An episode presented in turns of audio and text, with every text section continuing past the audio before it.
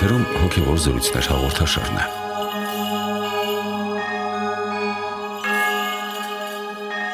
Ողջույն սիրելի ունկնդիրներ։ Այս հաղորդումը նվիրել ենք ամենքից հոգում ներկա կարեկցանքի զգացմանը։ Զրուցելու ենք Տեր Առնակ Քահանա Հարությունյանի հետ։ Օրնեցեք Տեր այր։ Աստված օրհնի։ Նախ ինչ է կարեկցանքը։ Հոգեբանության մեջ կան էմպաթիայի որոշման թեստեր, եւ որոշվում է թե տարբեր խառնվածքային տիպեր ունեցող մարդիկ որչափ կարեկցանք ունեն այլոց հանդեպ, ոմանց մոտ դա բավականին թույլ է զարգացած լինում։ Սա նաև հոգևոր առաքինություն է։ Սիրուց ոչ պակաս կարևոր, որովհետև երբ ասում ենք սիրիր մերձավորից շատ ժամանակ չենք հասկանում թե ինչպես, բայց եթե ապրումակցում ենք իր ցավերին, կարեկցում ենք, հասկանում ենք, որ նա այլ մարդ է մեզ պես, արդեն սիրով ենք լցվում։ Եվ բնականաբար կարեկցանքը հականիշ է անտարբերությանը, երբ մարդուն առհասարակ չեն հուզում այլոց խնդիրները։ Քրիստոնեական բարոյական ուղղության մեջ կան առաքինություններ, որոնք մեր աչքերով ավելի տեսական մաս են, մի մասն էլ ավելի գործնական մաս են։ Սերը առաջին հայացքից ենթարկվում է տեսական մասին, կարեկցանքը ենթարկվում է գործնական մասին որովհետև երբ ասում ենք կարեկցանք, անմիջապես բարի վերլուծությամբ հասկանում ենք կարիքին կից լինել մարդու կամ օժանդակել մարդուն։ Նշանակում է կորզնական ձևով արտահայտել որևէ երևույթ, որ գալիս է օգնելու դիմացինին իր ունեցած այդ բանի խնդրի մեջ։ Կարեկցանքի հիմնական դրսևորումը հատուկ է յուրաքանչյուր քրիստոնյայի։ Ինչու՞։ Որովհետև իրականության մեջ բոլոր մարդիկ կարիք ունեն եւ կարեկցանքը ուղղված չէ միայն աղքատներին, միայն հիվանդին, մեկին, ում խնդիրը արտահայտիչ է։ Կարեկցանքը քրիստոնյաների փոխհարաբերությունն է առօրյա կյանքի մեջ, որովհետև մենք բոլորս տկար ենք, կարիքավոր ենք եւ քրիստոնյան այս իմաստով ցույց է տալիս իր վերաբերմունքը իր եղբոր իր քրոջ նկատմամբ։ Դրա համար կարեկցանքը եկեղեցվո հայրերի մոտ միշտ առանձնահատուկ տեղ է զբաղեցնում։ Այո, կարեկցանքի հակառակ պատկերը անտարբերությունն է, արհամարանքն է, ավելի շատ անտարբերությունը, որը այսօր ավելի արտահայտիչ է, ավելի ակներև է։ Դրա համար կարեկցանքի մասին խոսելը այսօր ըստ երևույթին ավելի քան անհրաժեշտ է։ Բայց ոչ միայն խոսել, այլ նաև մտածել, թե ինչպես կարելի է կարեկցանքը իրապես գործնական դաշտի մեջ բերել։ Կարեկցել ինչ որ մեկին, սրա հիմքը աստվածային է, որովհետև Աստված ինքը անընդհատ կարեկցանքի մեջ է մարդու նկատմամբ ինչ որ խնդրեք, ասում է հավատքով պիտի տրվի ցես։ Նշանակում է Տերը ունի կարեկցանք մարդու նկատմամբ։ Հայերեն բառը ինքը միայն ամփոփում է կարիքի վիճակը, բայց ռուսերեն տարբերակը կամ անգլերեն տարբերակը ինքը ավելի լայն դաշտ է մեզ դրամադրում եւ ցույց է տալիս, որ այստեղ շատ-շատ մեծ աշխատանք կա անելու կապված կարեկցանքի հետ,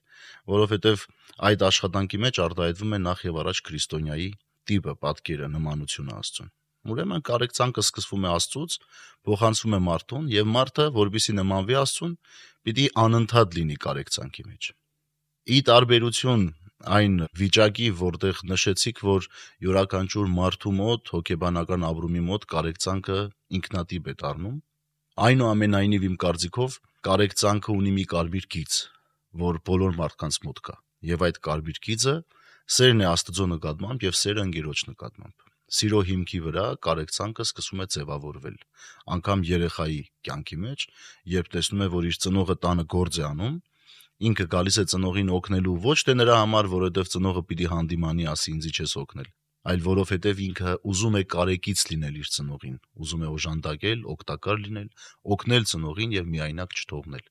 Հետաբար եկեղեցվո խորուրդը անգամ ամբողջականության կարելի է ամփոփել կամ կարելի է նայել, դիտել կարեկցանքի պրիզմայով։ Կարեկցանքի խորհրդանիշը հայրական գթացության հենց մեր Տեր Աստվածն է։ Գիտենք, որ մեղքը հեռացնում է Աստծուց, Ադամի ու Եվայի մեղսագործությունից հետո ճիշտ է, իրենք իրենց մեղքի պատճառով հեռացվեցին դրախտից, բայց հենց այդ պահին, երբ Աստված կարող էր նրանցից վերջնականապես երես թեքել, ծնողական հոգացություն է ցուցաբերում, նրանց համար զգեստներ է պատրաստում եւ այդպես է հեռացնում դրախտից, եւ նաեւ 5 տականյան պատմության ընթացքում տեսնում ենք, որ Իսրայելը ժողովուրդը քանի անգամ երես թեքեց Աստծուց, բայց Տերն իր ուխտը չմոռացավ եւ երբեք չհրաժարվեց մեզանից։ Դե որովհետեւ սերը կա Աստծո մարդու նկատմամբ այդ էր ասածս, որ կարեկցանքը սիրո վրա ձևավորված գործնական արտահայտությունն է։ սիրո գործն է կարեկցանքը, որ արտահայտվում է մարդկանց կյանքի մեջ։ Բայց մեր կյանքում կարեկցանքը զսպվածություն ունի։ Ինչու? Ես ենթադրում եմ, որ պատճառը այն է, որ մարդիկ վախենում են, վախենում են գործել։ Եվ միաժամանակ կա եսի, էգոիզմի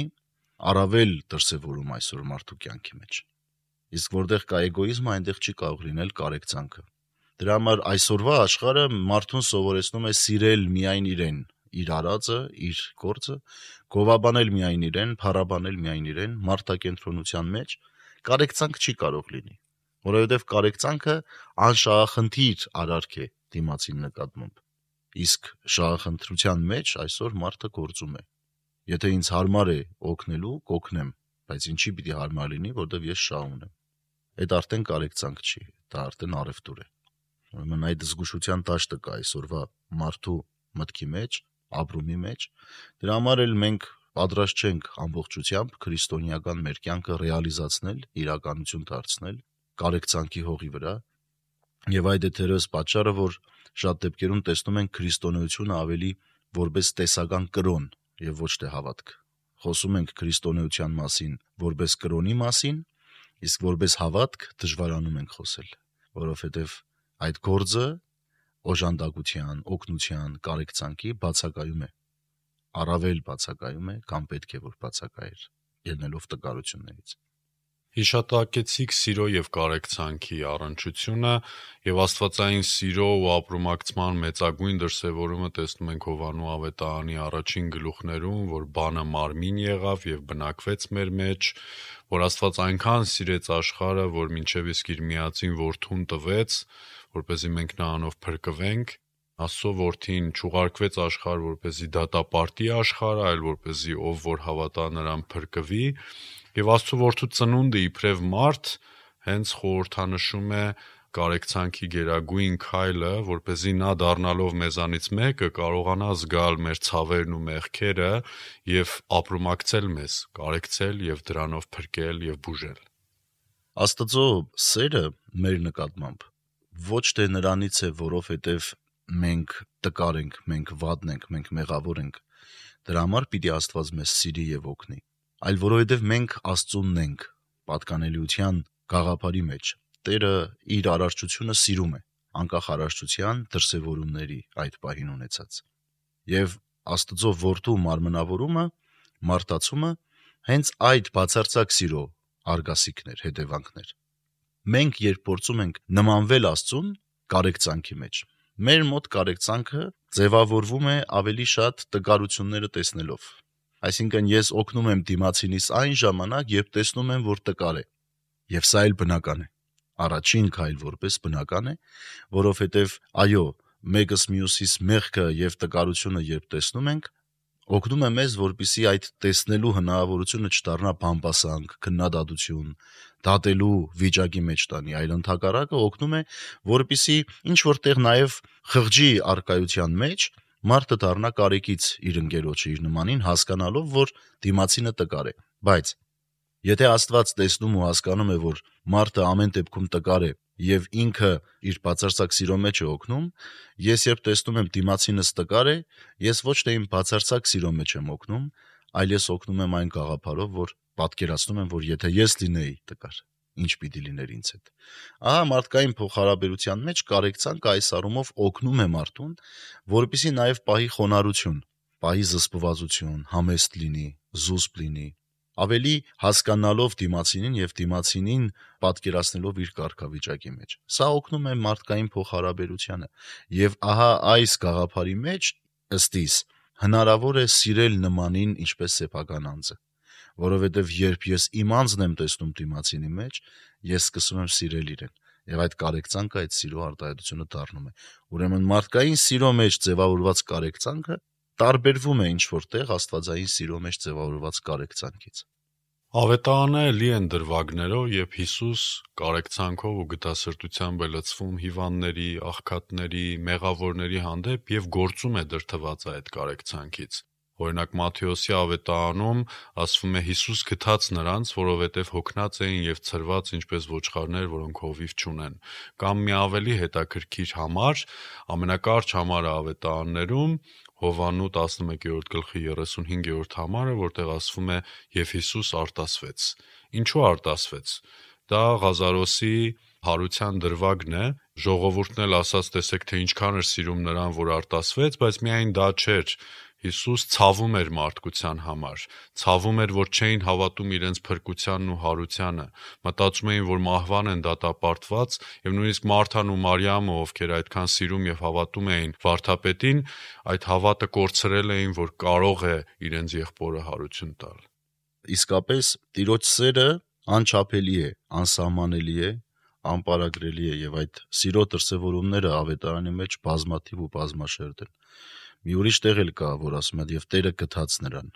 Այսինքն, ինչքան է ուրեմն Տիրոջ սերը մեծ, որ անտեսում ու ծածկում է մարդկային բոլոր մեղքերը։ Ես միշտ փորձում եմ բարոյական նորմերը քրիստոնեության մեջ մեր ունեցած բերել եւ կապել մեր կյանքի մեջ, մեր ապրումի մեջ։ Ինչքանով է նա կիրառելի այսօր, այսօրվա մարդու մեջ։ Կարեկցանքը այսօր դժվարություն ունի կյանքի կոչվելու նաեւ նրա համար, որ մարդը պատրաստ չէ իր անձից դուրս տեսնելու, սիրելու ընդունակություն ուրիշի նկատմամբ, իր ընտանիքից դուրս տեսնելու, իր շրջապատից դուրս տեսնելու։ Մի օր ես հիշում եմ թե ռուսանող տարիներին, երբ ինձ մոտ մարդ էր եկել ճեմարանում ու ճանապարհում էի, խոսում էինք քրիստոնեությունից, ինչ որ մեկի համար աղոտ կանելուց, այդ մարդուն ասացի անկյունի վրա մուրացկան էր նստած։ Ասացի կարող ես աղոթել իր համար օրինակ։ Եվ ինքը շատ բնական մի հարցադրում արեց, ասաց, բայց ինչի պիտի աղոթեմ ինչ ա եղել, որ աղոթեմ։ Այսինքն, մինչև մենք չենք հասկանում, թե ինչքանով է մեզ առնչվում խնդիրը, մենք չենք ուզում աղոթակից լինել, մենք չենք ուզում կարեկից լինել տվյալ անձին։ Այնինչ Քրիստոս արդեն հերվից էր աղոթակից ու կարեկից դրա համար էլ Հովանու ավետարանի հենց առաջի գլուխը ասում է, որ եւ բանը մարմին առավ։ Այսօր մենք որքանով ենք փորձում մոտենալ, մերձենալ մարդուն իր կարիքի մեջ, որբիսի մոտիկից տեսնենք իր կարիքավոր վիճակը։ Երբ որ մենք պատրաստ ենք այդ մերձեցումը դրսևորել, ուրեմն կարեկցանքը եւ աղոթակից լինելը ավելի արտահայտիչ կլինի եւ տեղին կլինի եւ պտղաբեր կլինի։ Ինչու այսօր չկա, որովհետեւ խուսափում են մարդիկ մեկը մյուսից խուսափում են։ Այսօր սոցցանցերի մեջ մենք տեսնում ենք երկար բարակ շարադրանքներով ինչ որ մեկին վայ այս մարդը այսպես այնպես այնպես իբր աննորմալ սեր է դրսևորվում, աննորմալ հոգատարություն Բայց եթե ասես, որ արի գնանք մի 2 ժամ այդ մարդու հետ անցկացրու իր տանը, կամ կանչի այդ մարդուն մի 2 ժամ դու անցկացրու իր հետ, այդտեղ արդեն մեծամասամբ զբաղված կլինեն, իրենց գործերով կլինեն։ Այսօրվա մեր աշխարհում չափազանց կարևոր է քրիստոնեական բարոյականության արժեհամակարգը դնել եւ ինչ որտեղ նաեւ ստիպել, որբիսի կյանքի կոչվի այսօրվա պայմանների մեջ։ Եվ ելի եմ ասում, կարեկցանքը ինձ համար թիվ 1 առաքինությունն է այսօր դարել, որովհետև եթե չեղավ կարեկցանք, մենք բզիկ-բզիկ ենք լինելու, ծվեն-ծվեն ենք լինելու, ինչի վտանգը որ այսօր ունենք։ Հոգևոր կյանքի մեջ կարեկցանքի վիթխարի նշանակությունը ձևակերպել են նաև առաքյալները իրենց թղթերում։ Պետրոս առաքյալն ասում է ամենագլխավորը եղեք կարեկից, եղբայրասեր, ազնվագուտ կամ երևի Պողոս Արաքյալի հռոմեացիներին ուղված թղթի համարն է շատերին ծանոթ, ուրախացողների հետ ուրախանալ, լացողների հետ լալ, ինչը շատ դժվար է գործնականում։ Ցավը հնարավոր է կիսել, որովհետև երբ որ մարդը վշտի մեջ է, անկախ մեզանից ասում ենք, որ ամոթ է գնանք մարդուն ցավակից լինենք, ցավակցենք, սուք ունի, վիշտ ունի, տխրություն ունի։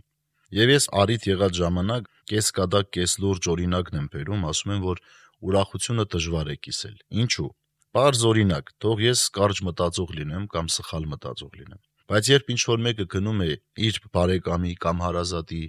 ուրախության առիթին, հարսանիք կլինի, մկրտության առիթ կլինի, ինչ որ է,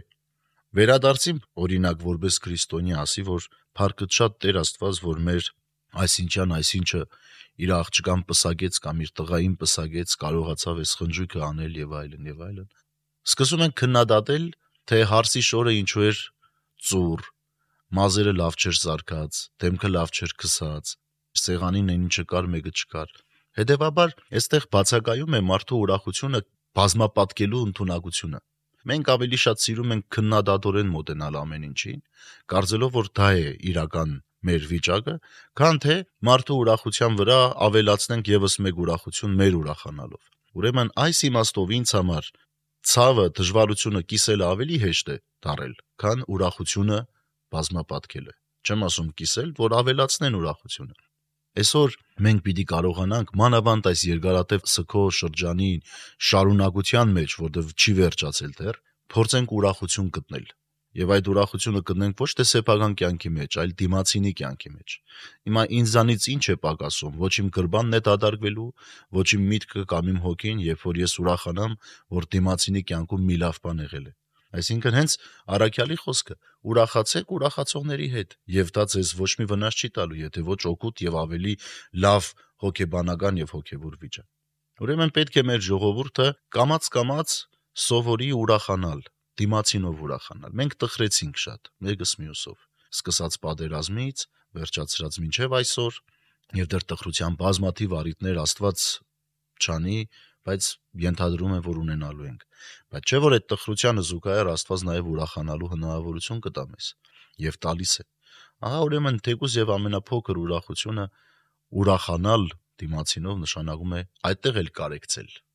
այդտեղ էլ կարեկցել, որտեվ ես չեմ սիրում միայնակ ուրախանալ ամբողջականը, երբ որ ինձ հետ ուրախացող կա։ Ուրեմն ես կարիքը ունեմ, որ հետս մեկը ուրախանա։ Այստեղ էլ կարեկցանք։ Մխիթարության սաղմոսներում բազմաթիվ տողեր կան, թե ինչպես է Աստված ականջ դնում մեր տարապանքներին, սրբում մեր արտասուքը, փրկում որոգայթներից, բժշկում մեր վերքերը, սա չի հուշում, որ այն ինչ որ մենք անկկալում ենք մեր եկնավոր հորից, մեղքերի թողություն, կարեկցանք, չէ, նույնը պետք է անենք մեր եղբոր նկատմամբ։ Դե པարզ է արդեն ոսկե կանոն, այն ինչ կամենում եք մարդիկ ցեզ անեն, դուք արեք նրանց։ Քրիստոնեությունը ըստիս այն ճանապարհն է, որտեղ տալու եւ ստանալու ամենալավ արդայությունը կարող է մարդը տեսնել, այսինքն մի բան տուր, որբիսի ստանաս։ Աստծո այդ փոխհարաբերության մեջ էլ այդպես է։ Այստեղ շահախնդրության մասին չի խոսքը, բայց բնական վիճակը, օրինաչափությունը այդ է, այսինքն ես Աստծուն մի բան տալիս եմ, եւ Աստված ինձ փոխադարձ պատասխանն է տալիս։ Կյանքը առասարակ, եթե ճագերտներով ասեմ եւ զգուշ ասեմ, այդ ար եւ տուրը ունի, տալ եւ վերցնելու գաղափարը ունի կյանքը, նույնիսկ ծնող եւ զավակ փոխհարաբերության մեջ։ Էլուր մնաց པարզ մարդկային հարաբերությունների մեջ, բայց այստեղ խնդիրը ինչումն է։ Մենք չենք անում, որովհետեւ ստանանք սпасումով, այլ մենք անում ենք, որովհետեւ մենք պետք է անենք։ Այստեղ է հենց Աստծուն նմանվելու լավագույն օրինակը։ Աստված մեզանից սпасում չունի, որովհետև Աստված բավարարված Աստված է, բովանդակ Աստված է եւ պակաստեղ չունի, որբիսի մարդը ինչ որ մի բան անի իրեն, որ Աստված բավարարը զգա իրեն։ Աստված անում է, որովհետև ինքը պիտի անի, ինքը դրա մեջ է։ Այդ պիտին էլ հարաբերական է, բայց մեր բարերով եմ ասում, որ պատկերացումը լսողների մեր ճիշտ լինի, այսինքն Աստված գործող Աստված է, դինամիկ Աստված է եւ Աստված դադար չունի, հետեւաբար դա Աստծո առանձնահատկությունն է անել արարչության համար ինչ որ մի բան անընդհատ անել։ Որբիսի մենք նմանվենք Աստծուն, մենք ոչ թե պիտի անենք նրա համար, որովհետև ոսկե կանոնը ասում է այնինչ կամենում ես քեզ անեն դու արա նրան, այլ նախ եւ առաջ պիտի անենք, որովհետև մենք ուզում ենք, որ մեր հորը նմանվենք։ Բայց դրանի պատասխան բնությունը մեզ պատասխանը տալու է։ Թե այս երկրի վրա եւ թե նաեւ հավիտենության մեջ։ Հետեւաբար այս երկու կոորդինատային համակարգները իրար հետ հատվում են եւ ոսկե կանոնի եւ Աստծուն նմանվելու սկզբունքի։ Գործնական կարեկցանքի եւ հոգեվոր առաքինության հիանալի օրինակ է Բարիս Ամարացու առակը։ Ասում է քահանան ու ղեֆտացին այդ երկու խորհրդանշական կերպարները, ովքեր պետք է օգնեին վիրավորին եւ հանդիպում են, նրանք տեսան, բայց թողեցին անցան։ Իսկ Սամարացին, ով արհամարված էր բոլոր հրեաներից, տեսնելով նրան գթած, եւ հենց նա վարվեց մարդկայնորեն ու քրիստոնեաբար, որովհետեւ բոլորս էլ կարիքը տեսնում ենք մեզ շրջապատող ցավերը, բայց շատերը ոչինչ չեն անում։ 1897 թվականին համաշխարհային կաթոլիկ կազմակերպության Կարիտասի որ հիմնվեց դրա նշանաբանն էր տեսնել կարիքը եւ գործել քայլեր ձեռնարկել այն վերացնելու ուղղությամբ։ Սա նշանակում է, որ միայն տեսնելը կարիքը բավարար չէ, պետք է ինչ-որ քայլ անենք այն վերացնելու ուղղությամբ, ինչը որ շատերս չենք անում։ նախ բարի սամարացու առակի մեջ որպես շարունակություն ասեմ, որ շատ հետաքրքիր է հենց քահանայի եւ Ղեֆտացու այդ օրինակը, որովհետեւ մեր կյանքում էլ է լինում այդպես։ Գրաբարով արտահայտություն կա, որ շատերը գիտեն, Հարկ Լուծանե Զորենս։ Մեզ քրիստոնյաներից, մանավանդ այն քրիստոնյաներին, ովքեր քչե շատ է գիտակ են, օրենքին, պատվիրանին, ընթերցում են, գրականությանը ծանոթ են, երբեմն օրենքը, օրինապահությունը խանգարում է, որբիսի մարդասիրությունը ավելի արտահայտիչ լինի, գթասրտությունը, կարեկցանքը։ Երբեմն օրենքի հետևից ընկնելով մեզ թվում է, որ մենք ավելի լավ քրիստոնյա ենք լինում, քան շնորի հետևից ընկնենք։ Ես զգուշությամբ եմ ասում, որ հետո չլսեն, ասեն Տեր առնակը էս ինչ քարոզ է անում, այսինքն օրենքը կարևոր չի, օրենքը կարևոր է։ Բայց օրինակ, եթե մարդը ծանր նեղության մեջ եկել մտել է եկեղեցի եւ չի պահում եկեղեցական այն օրենքն ու կանոնը, որ պարտադիր է օրինակ։ Ամենապարզից սկսած, կին է, գլխաշորով չի, պատշաճ հակոստով չի, այդ պահին այդպես է եղել, հնարավորություն չի եղել ու ես որպես տերհայր տեղյակ չեմ։ Ես եթե շրջվում եմ ասում եմ, որ քեզ չի կարելի այսպես եկեղեցի մտնել, գնա մինչև պատշաճ չլինես, չգաս իմ մոտ եկեղեցի։ Այդ կինը կարող է կորի, ուղագի Բայց երբ ես այդ օրենքը կողքի եմ դնում եւ հասկանում եմ, որ այստեղ շնորը պիտի գործի, որտեվ այդ կինը դրա կարիք ունի, ես կշահեմ եւ այդ կնոջը եւ օրենքը, որ դրված է։ Դրա համար քահանան եւ ղեֆտացին օրենքը պահեցին։ Պատշաճ չէր, որ մոտենային, հարիր չէր, որ մոտենային։ Բայց սամարացին, որ այդ օրենքը ճուներ իր կյանքի մեջ, այդ պահին շահեկան եղավ իր համար իր արարքը։ Ուրեմն եւ օրենքը եւ պատվիրանը շնորով է քաղցրանում եւ շնորով է ամբողջանում։ Իսկ շնորը ենթադրում է գործել, որովհետեւ Աստված երբ մարդուն շնոր է տալիս, տալիս է որբիսի գործ անի մարդը։ Եվ կարեկցանքը շնորի ամենալավ արտահայտության եղանակն ու ցևն է։ Այդ իմաստով բարի սամարացու արագը իսկապես հրաշալի արագ է, որտեղ մարդասիրության, աստվածասիրության լավագույն արտահայտությունն ենք մենք տեսնում։ Իսկ շարունակության մեջ, որտեղ մենք խոսեցինք աշխարհում կարիտասի սկզբունքի եւ նաեւ գործելու մասին, կարիտասի սկզբունքին իհարկե ծանոթ չէի, բայց եկեղեցին միշտ ունեցել այդ սկզբունքը, այսինքն նորություն չի եղել։ Ուղղակի նորությունը, երբ որ բարձրաձայնում ես նորից եւ նորից այդ սկզբունքի մասին։ Այո, եկեղեցին երկու թև ունի՝ քարոշչության եւ օժանդակության ինչպես որ Քրիստոս եւ խոսում էր եւ կերակրում էր եւ խոսում էր եւ բժշկում էր եւ խոսում էր եւ այցելում էր այսօր նույնը ունի Քրիստոսի եկեղեցին եւ պիտի քարոզի եւ պիտի կերակրի ուրեմն կարեկցանքը այդ երկրորդ թևի գլխավոր պայմանն է եթե ուզում ես ցույց տալ որ դու տիրոջով ես շարժվում դու պիտի այդ օժանդակության դաշտը ունենաս։ Դրա համար էլ հայ առաքելական եկեղեցին այսօր ունի սոցիալական բաժին, ինչպես որ միշտ է ունեցել, ավելի ձևավորված, ավելի կազմակերպված։ Այսօր նաև յուրաքանչյուր քրիստոնյա քաչ հասկանում ու գիտակցում է մանավանդ բախքի օրերին, որ առանց ողորմության, առանց տալու հնարավոր չի, որ իր բախքը ամբողջական լինի։ Իսկապես այդպես է։ Մենք բավարարված ենք զգում մեզ, երբ որ մեզանից ինչ որ մի բան տալիս ենք դիմացինին Աշխարհը բավարարված է զգում իրեն, երբ աշխարհը վերցնում է ինչ-որ մի բան։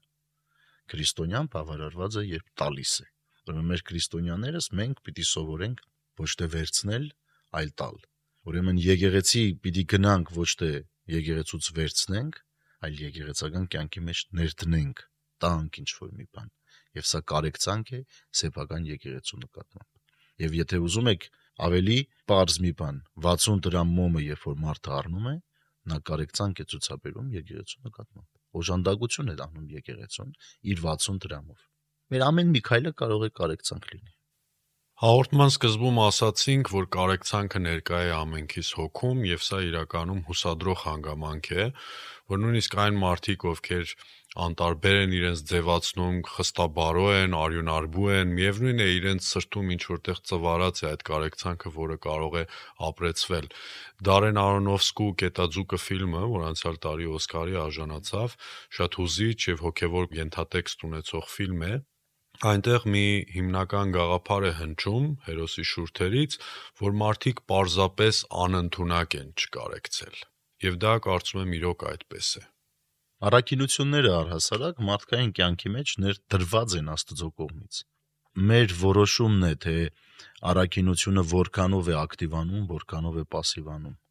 Մարդը այդ փաթեթը ամբողջությամբ ստանում է Աստծոց, եւ սիրելու, եւ կարեկցելու, եւ հավատալու, եւ հույս ունենալու, եւ ամեն ինչ ինչ որ կա։ Ես ուզում եմ նաև մենք անդրադառնանք այն կարեկցանքին, որ այսօր պիտի լինի ոչ միայն մարդու նկատմամբ, այլ նաև արարչության նկատմամբ։ Աստվածաբանական մտքի մեջ կա կանաչ աստվածաբանության գաղափարը. բնության, տիեզերքի, արարչության նկատմամբ մարդու փոխհարաբերության։ Բայց ես ուզում եմ նեղացնեմ, եթե կարելի է, եւ այսօր մենք այդ կարեկցանքի հարցը ունենք մեր հայրենիքի նկատմամբ, մեր երկրի նկատմամբ։ Տեսեք, մենք կորցնում ենք ժամանակավոր կորցնում ենք հողեր,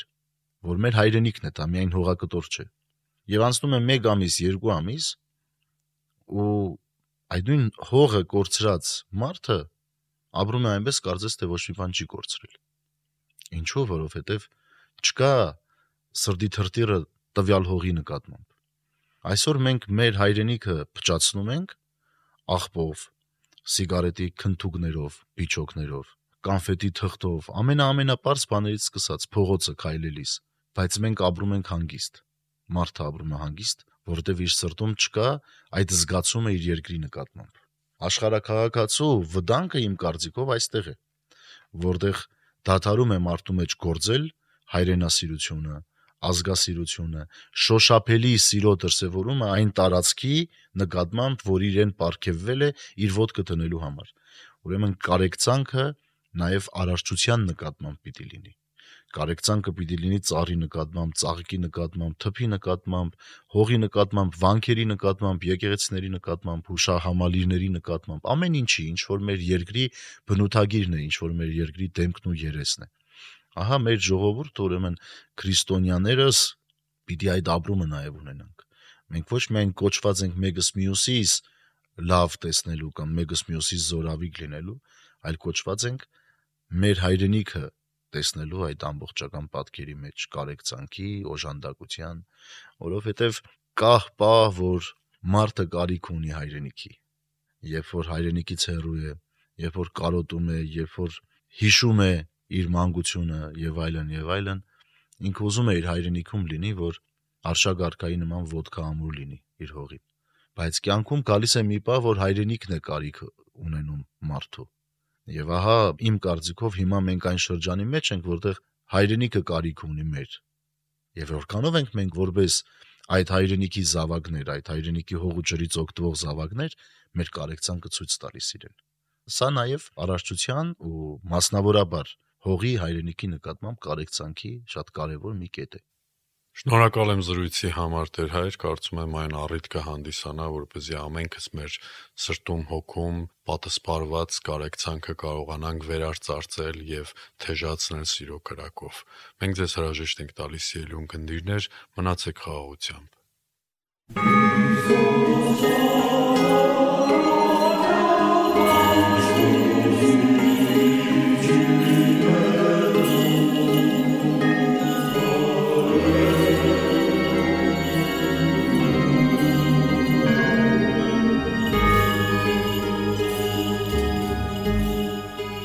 Վեմ ռադիոկայանի եթերում հոգևոր զրույցներ հաղորդաշարներ։